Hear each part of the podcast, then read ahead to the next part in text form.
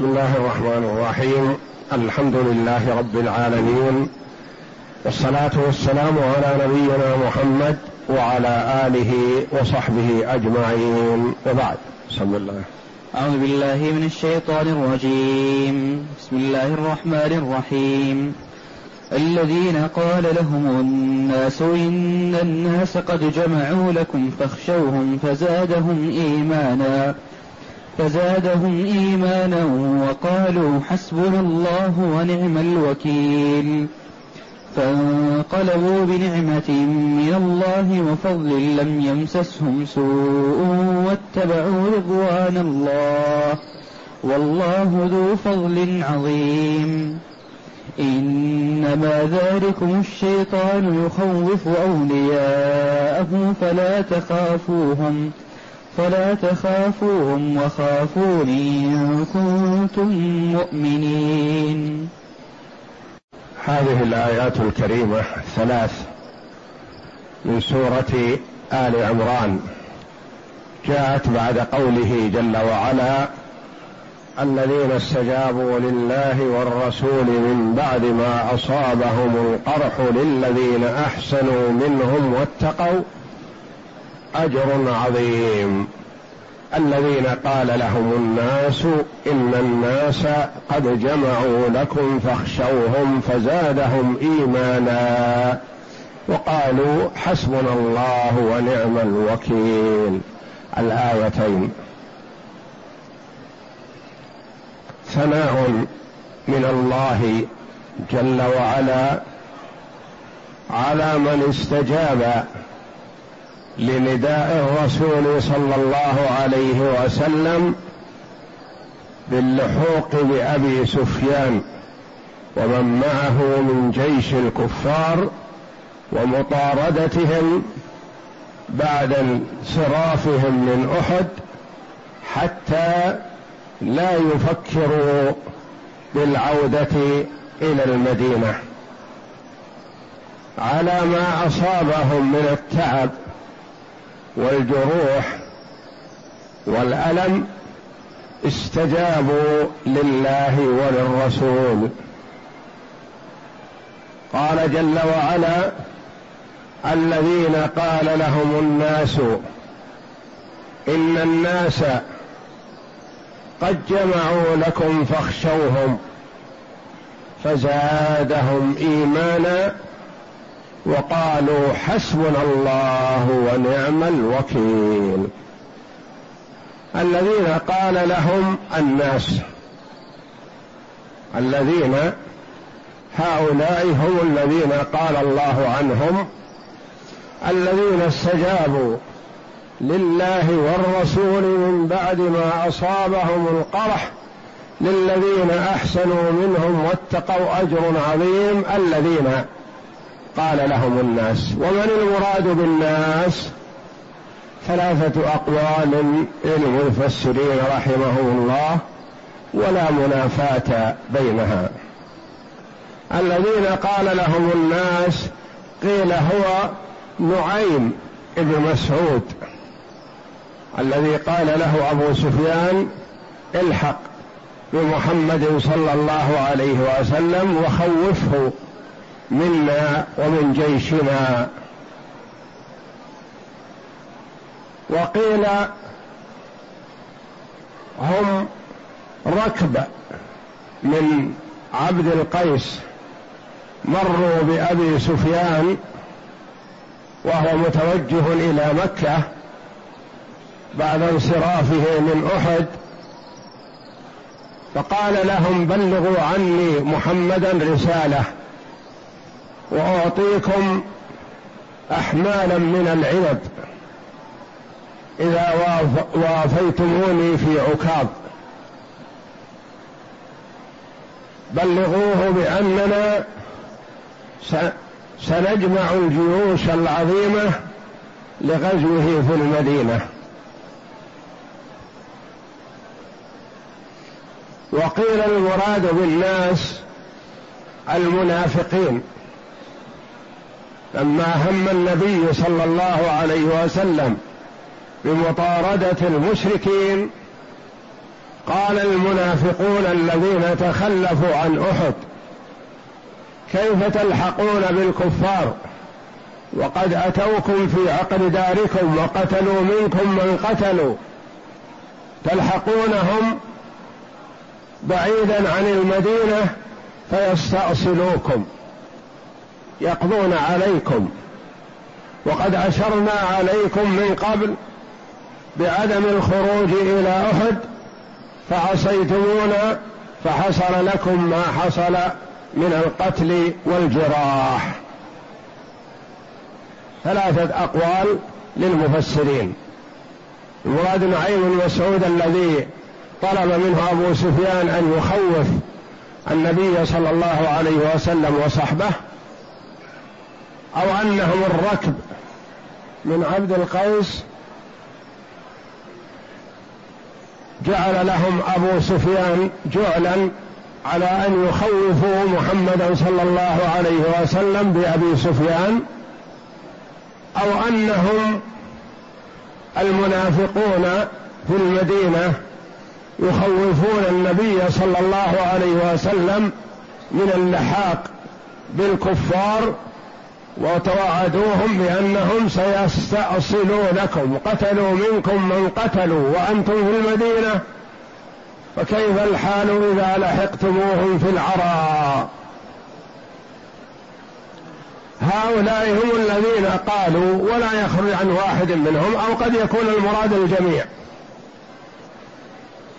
والناس إن كانوا المنافقين أو الوفد الركب من أشجع من بني عبد القيس فهم ناس. وإذا كان المراد به نعيم بن مسعود وحده فهو هذا يصح لأنه جزء وواحد من الناس. الذين قال لهم الناس إن الناس المراد بالناس الثانية هم أبو سفيان ومن معه من جيش الكفار. من مكة. إن الناس قد جمعوا لكم يعني جمعوا لكم جيشا عظيما لقتالكم واستئصالكم والقضاء عليكم. يريدون بهذا تخويف النبي صلى الله عليه وسلم والمؤمنين. قد جمعوا لكم فاخشوهم يخوفونهم خافوا منهم. يريدون أن يلقوا الرعب في قلب النبي صلى الله عليه وسلم والمؤمنين وقد خابوا وخسروا فهو عليه الصلاة والسلام لا يخاف الكفار أبدا. وإنما الكفار يخافون منه صلى الله عليه وسلم. وألقى الله جل وعلا الرعب في قلوب الكفار والنبي صلى الله عليه وسلم بينه وبينهم مسيرة شهر. نصرت بالرعب مسيرة شهر كما قال صلى الله عليه وسلم في الحديث الذي أعطاه الله جل وعلا الخمس الخصال التي لم يعطهن نبي قبله صلوات الله وسلامه عليه. منها نصرت بالرعب مسيرة شهر. فإذا كان بين النبي صلى الله عليه وسلم وبين عدوه مسيرة شهر فالعدو يرهب ويخاف ويصيبه الرعب من النبي صلى الله عليه وسلم. فاخشوهم فزادهم إيمانا. زاد الله جل وعلا المؤمنين إيمانا. زادهم إيمانا والإيمان كما قرره أهل السنة والجماعة يزيد وينقص. يزيد الإيمان بالطاعة وينقص بالمعصية. والآيات في إثبات زيادة الإيمان كثيرة في القرآن. ومنها هذه الآية فزادهم إيمانا.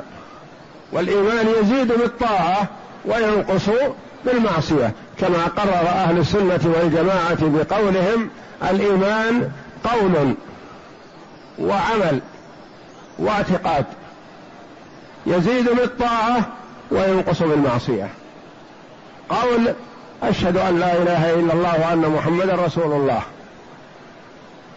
وعمل صلاة وزكاة وصيام وحج والأعمال الصالحة. واعتقاد بالقلب لأن القول مع العمل بدون اعتقاد القلب ما ينفع. لأن المنافقين يقولون بألسنتهم ويعملون الأعمال يصلون مع النبي صلى الله عليه وسلم ويخرجون معه للجهاد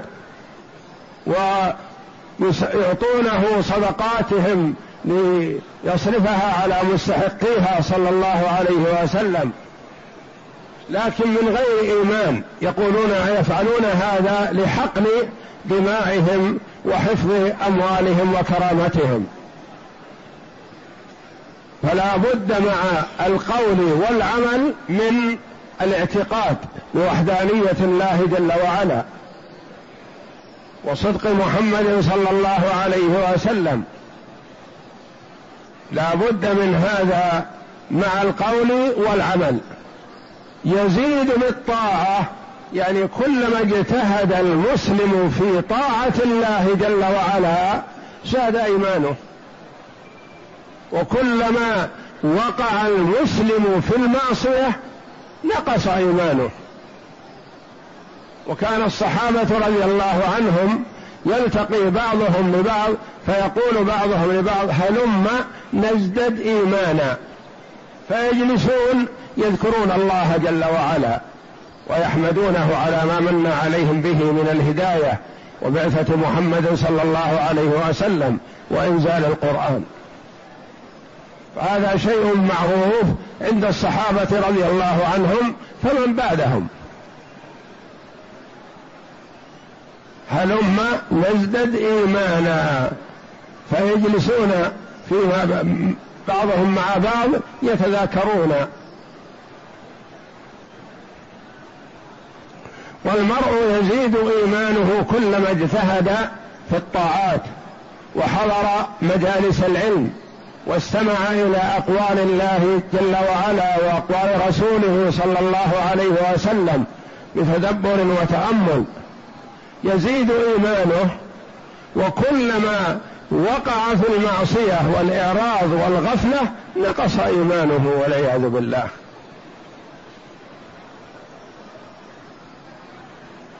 لقي حنظلة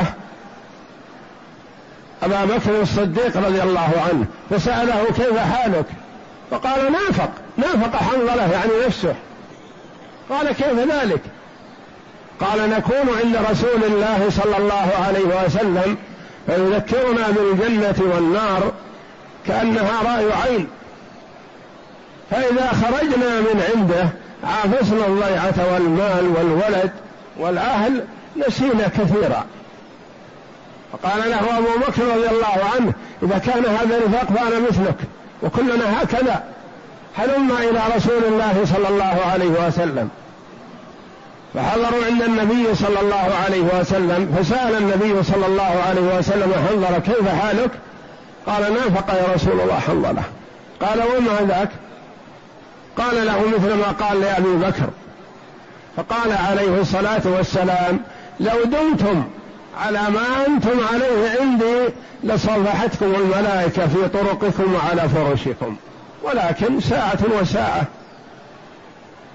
فأدخل صلى الله عليه وسلم السرور على حنظلة وعلى أبي بكر وعلى الصحابة عموما وعلى الأمة قاطبة بأن المرء يزيد إيمانه أحيانا ويقوى ويتمكن وأحيانا يكون أقل من ذلك ولا يخرج من الإيمان والحمد لله.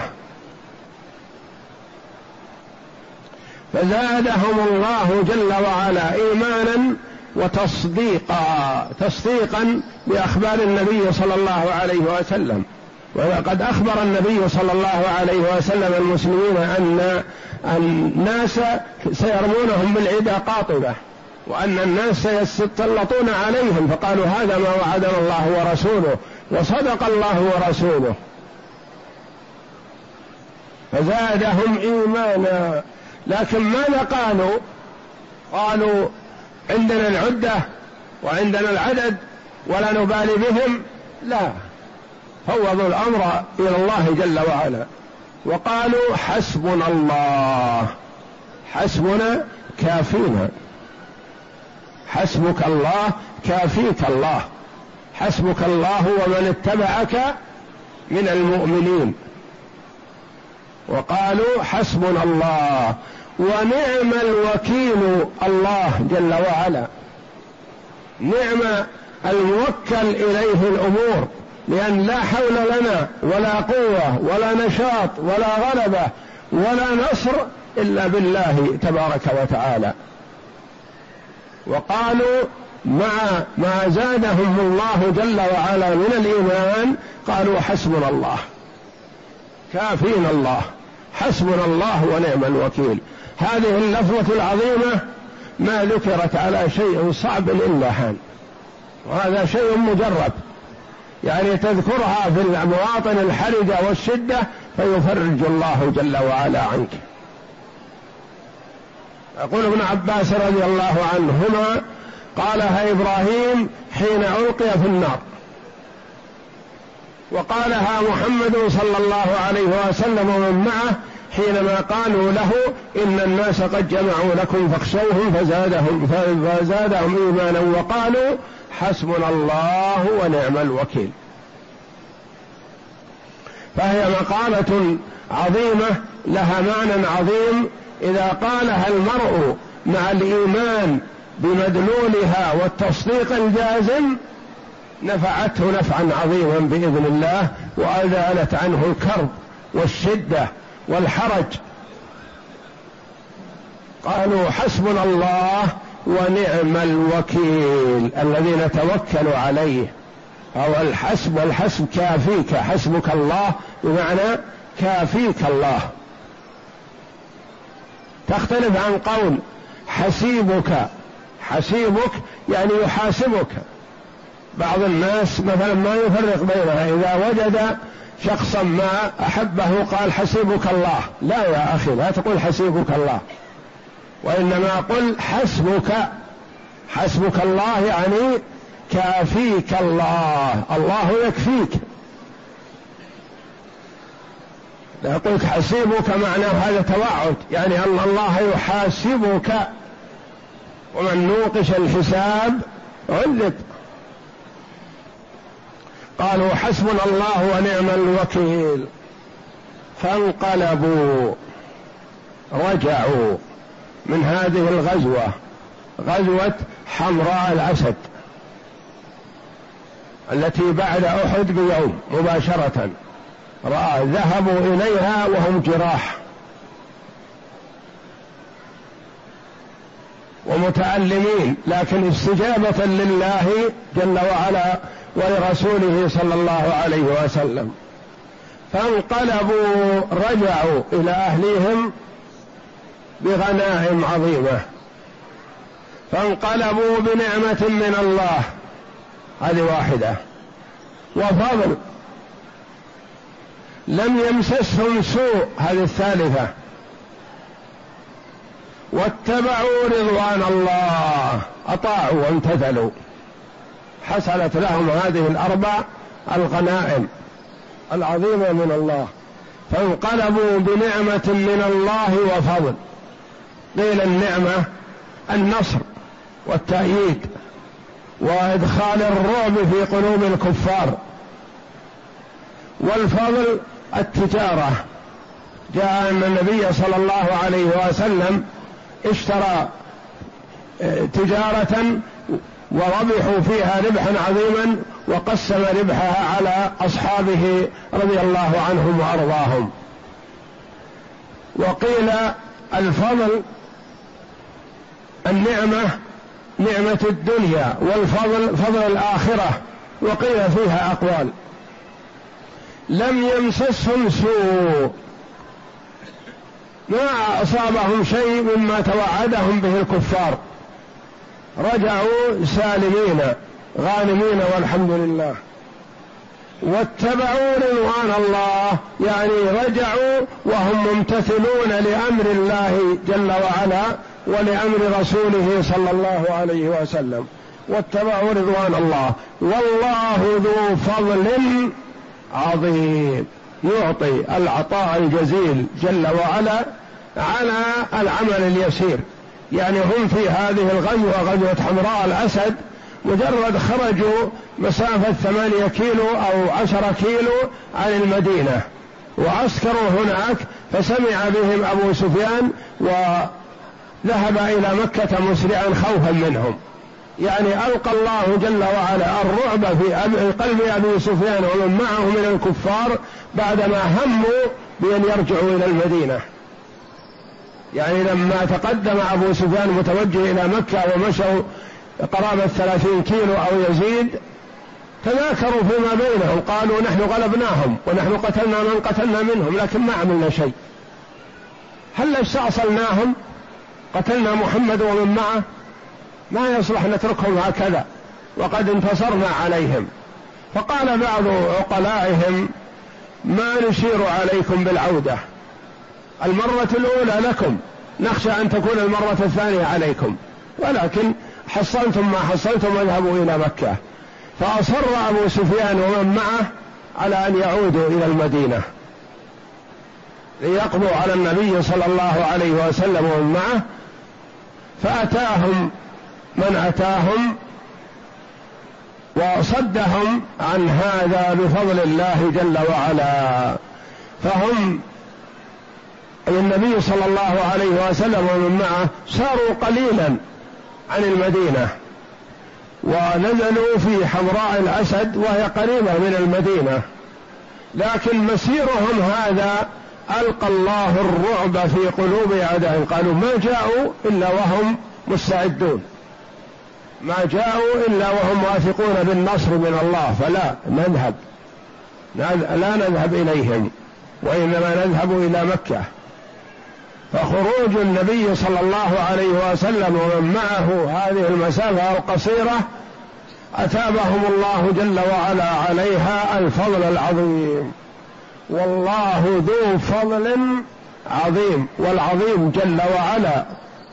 يعطي الشيء الجزيل على العمل اليسير. ثم قال جل وعلا إنما ذلكم الشيطان يخوف أولياءه فلا تخافوهم.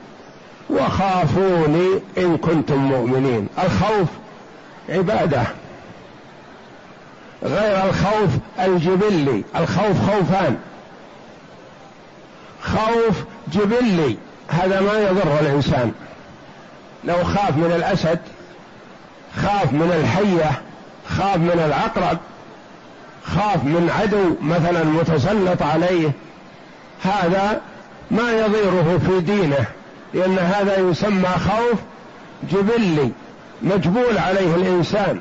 كما قال الله جل وعلا عن موسى عليه الصلاة والسلام وهو كليم الرحمن وأحد أولي العزم من الرسل قال فأوجس في نفسي خيفة موسى. منين؟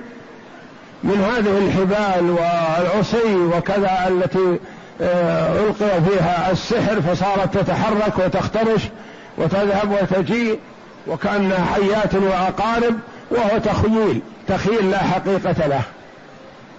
ما رأى عليه الصلاة والسلام حركتها واضطرابها خاف خاف منها. فأوجس في نفسه خيفة موسى. هذا خوف ما يضر. وإنما الخوف الذي يضره أن يخاف الإنسان من معبود غير الله. يقال له انتبه هذا الميت يضرك. هذا سيد هذا ولي هذا كذا.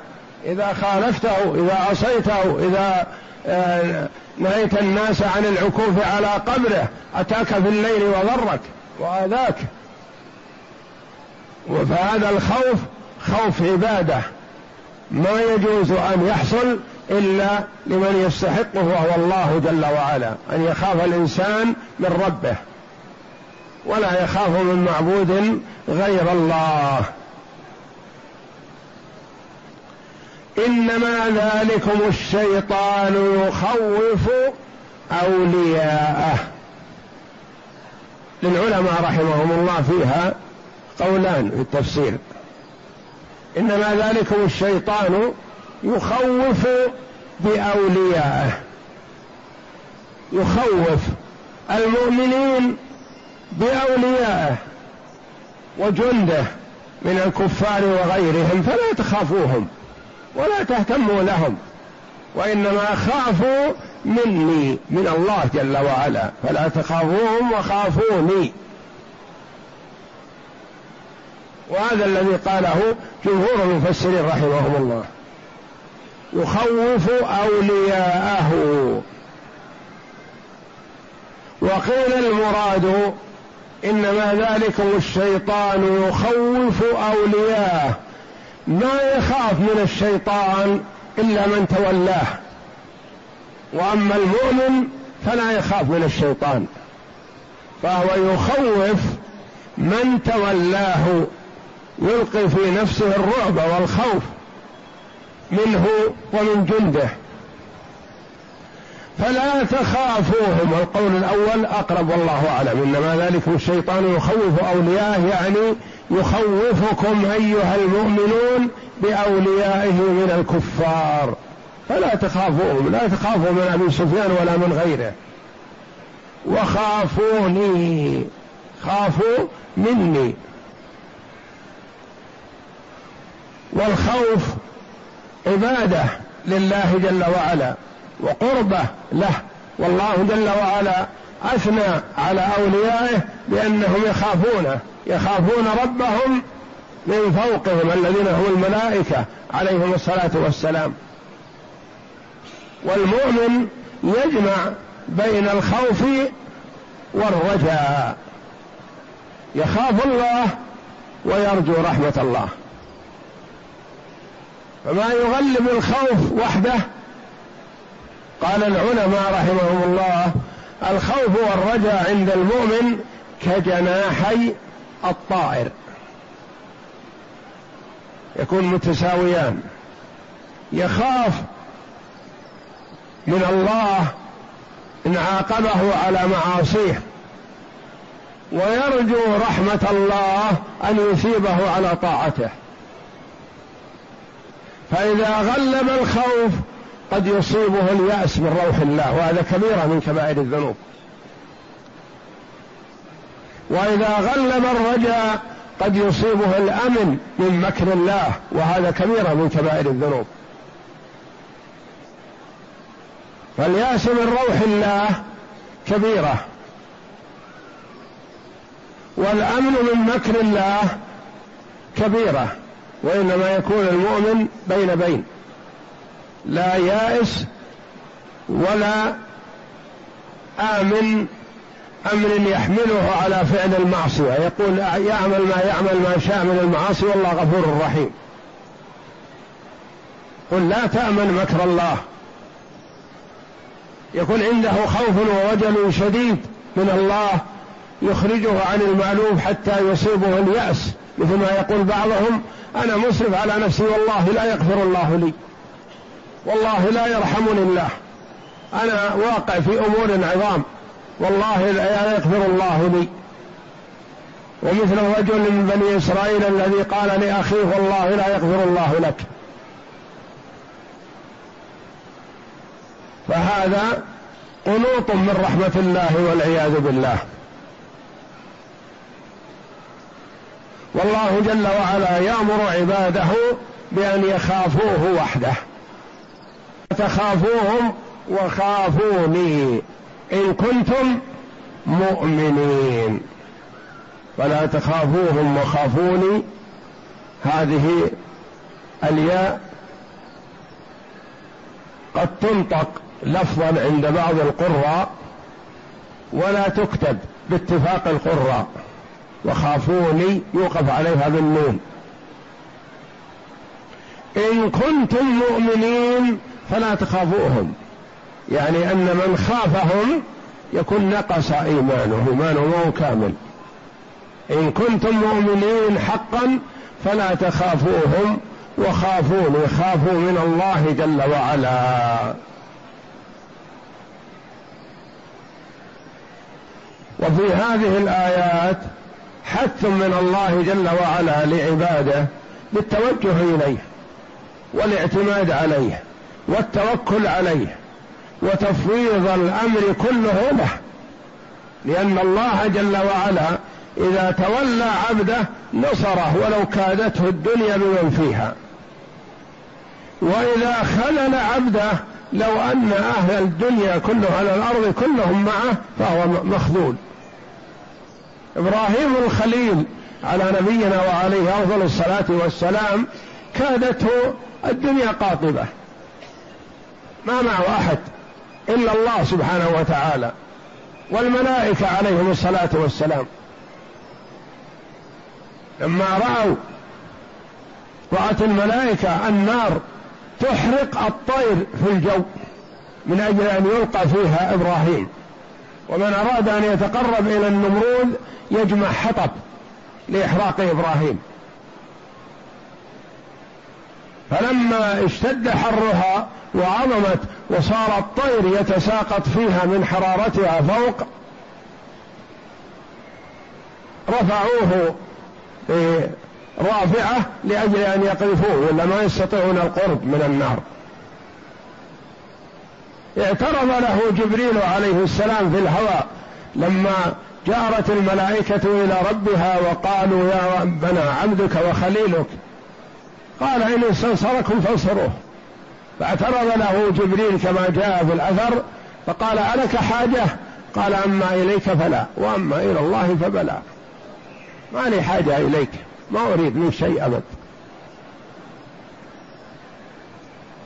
فإن ذلك جاء النصر من الله جل وعلا يا نار كوني بردا وسلاما على إبراهيم. كل من حوله ضده ما مع أحد. إلا الله جل وعلا فنصره.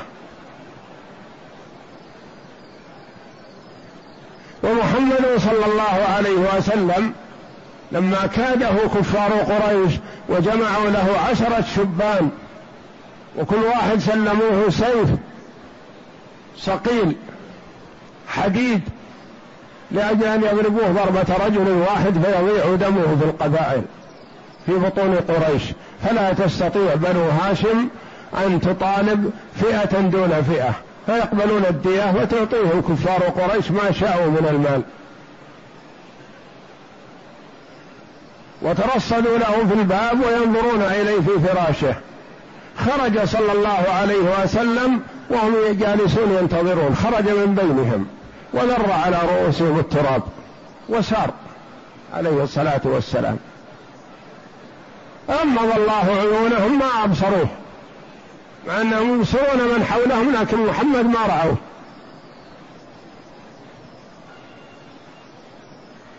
فأتاهم من أتاهم؟ قال ما تنتظرون؟ قالوا ننتظر محمد يخرج من أجل أن نضربه. فقال أخزاكم الله خرج من بينكم وسار. فتلفتوا يمينا وشمالا فلم يجدوا على له أثر عليه الصلاة والسلام. حفظه الله منهم. وحينما جاءت امرأة أبي لهب الشقية معها حجر كبير والنبي صلى الله عليه وسلم يترفع عليه الصلاة والسلام عن مجابهة النساء ومقاتلتهن و جاءت مع الحجر تريد أن ترضخ به رأس النبي صلى الله عليه وسلم. فجاءت فنظرت إلى أبي بكر والرسول بجواره عليه الصلاة والسلام. ما نظرته؟ قالت أين صاحبك يا أبا بكر؟ أين صاحبك؟ قد هجاني. هجاها تزعم أن هذه السورة سورة تبت يد أبي لهب وتب وامرأته حمالة الحطب في جيد حمل من مسد أن هذا هجا من النبي صلى الله عليه وسلم لها. إن صاحبك هجاني. أين هو؟ قال رضي الله عنه والله ما هجاك وقد صدق أبو بكر. لأن هذا قرآن يتلى نزل من الله جل وعلا ليس هجاء من النبي صلى الله عليه وسلم. فقالت أنت صدوق. أنت صدوق. وذهبت وما رأت النبي صلى الله عليه وسلم وهو بجوار أبي بكر. فالله جل وعلا إذا حفظ عبده لو تسلطت عليه السماوات والأرض ما استطاعوا منه شيء. واعلم حديث ابن عباس رضي الله عنهما واعلم أن الأمة لو اجتمعوا على أن ينفعوك بشيء لم ينفعوك إلا بشيء قد كتبه الله لك. ولو اجتمعوا على أن يضروك بشيء لم يضروك إلا بشيء قد كتبه الله عليك. رفعت الأقلام وجفت الصحف. فالاعتماد على الله جل وعلا والتوكل عليه والإقبال عليه يحفظ عبده. يربي جل وعلا عباده على التوجه إليه والاعتماد عليه وتفويض الأمر إليه والثقة بالله جل وعلا وأنه لن يحصل في هذا الكون إلا ما أراده الله جل وعلا. أقرأ.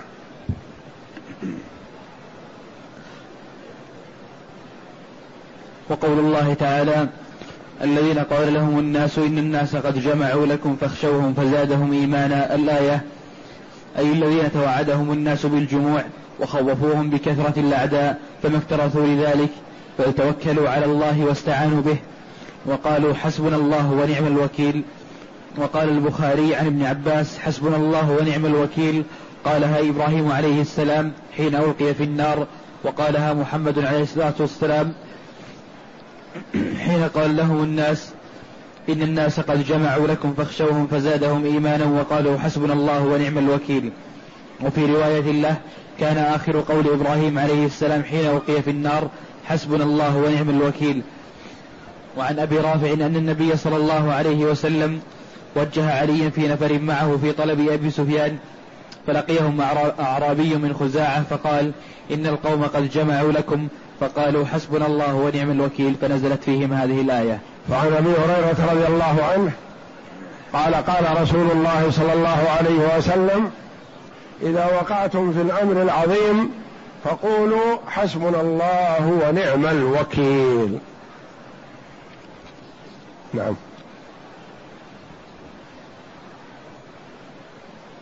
وفي الحديث إذا وقعتم في الأمر العظيم فقولوا حسبنا الله ونعم الوكيل. وقد قال الإمام أحمد عن عوف بن مالك أنه حدثهم أن النبي صلى الله عليه وسلم قضى بين رجلين فقال المقضي عليه لما أدبر حسبي الله ونعم الوكيل. فقال النبي صلى الله عليه وسلم ردوا علي الرجل فقال ما قلت؟ قال قلت حسبي الله ونعم الوكيل. فقال النبي صلى الله عليه وسلم إن الله يلوم على العجز ولكن عليك بال بالكيس. فإذا غلبك بالكيس. بالكيس. اعمل جهدك واجتهد. ولا تتثبط ولا تترك العمل وتقول أنا متكل هذا عجز. وإنما يعمل الإنسان ويجتهد ويتكل على الله جل وعلا. فإذا غلبك أمر فقل حسبي الله ونعم الوكيل. وعن شداد بن أوس رضي الله عنه قال قال النبي صلى الله عليه وسلم حسبنا الله ونعم الوكيل أمان كل خائف. كل خائف إذا قالها أمنه الله جل وعلا.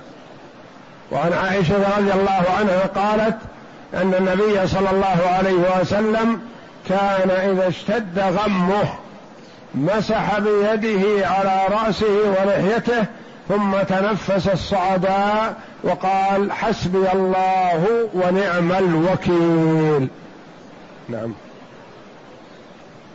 قال تعالى فانقلبوا بنعمة من الله وفضل لم يمسسهم سوء أي لما توكلوا على الله كفاهم ما أهمهم ورد عنهم بأس من أراد كيدهم فرجعوا إلى بلدهم بنعمة من الله وفضل لم يمسسهم سوء مما أضمر لهم مما أضمر لهم عدوهم واتبعوا رضوان الله والله ذو فضل عظيم. عن ابن عباس في قوله في قول الله فانقلبوا بنعمة من الله وفضل قال النعمة أنهم أسلموا والفضل أن عيرا مرت في أيام الموسم فاشتراها رسول الله صلى الله عليه وسلم فربح فيها مالا فقسمه بين أصحابه. وقال مجاهد في قول الله تعالى الذين قال لهم الناس إن الناس قد جمعوا لكم فاخشوهم قال هذا أبو سفيان قال لمحمد صلى الله عليه وسلم موعدكم بدر حيث قتلتم أصحابنا. فقال محمد صلى الله عليه وسلم عسى. فانطلق رسول الله صلى الله عليه وسلم لموعده حتى نزل بدرا. فوافقوا السوق فيها فابتاعوا. فذلك قول الله عز وجل فانقلبوا بنعمة من الله وفضل لم يمسسهم سوء الآية. قال وهي غزوة بدر الصغرى. ثم قال تعالى إنما ذلكم الشيطان يخوف أولياءه أي يخوفكم أولياءه أن يخوفكم أولياءه ويوهمكم أنهم ذو بأس وذو شدة. قال الله تعالى ولا تخافوهم وخافوني إن كنتم مؤمنين. إذا سول لكم وأوهمكم فتوكلوا علي والجأوا إلي فإني كافيكم وناصركم عليهم كما قال تعالى أليس الله بكاف عبده ويخوفونك بالذين من دونه؟ وقال تعالى فقاتلوا أولياء الشيطان إن كيد الشيطان كان ضعيفا. وقال تعالى أولئك حزب الشيطان ألا إن حزب الشيطان هم الخاسرون. وقال كتب الله لأغلبن أنا ورسلي إن الله قوي عزيز. وقال ولينصرن الله من ينصره. وقال تعالى يا أيها الذين آمنوا إن تنصروا الله ينصركم الآية وقال تعالى وإنا لننصر رسلنا وال إنا لننصر رسلنا والذين آمنوا في الحياة الدنيا ويوم يقوم الأشهاد والآيات في ذلك كثيرة. والله أعلم وصلى الله وسلم وبارك على عبده ورسول نبينا محمد وعلى آله وصحبه أجمعين.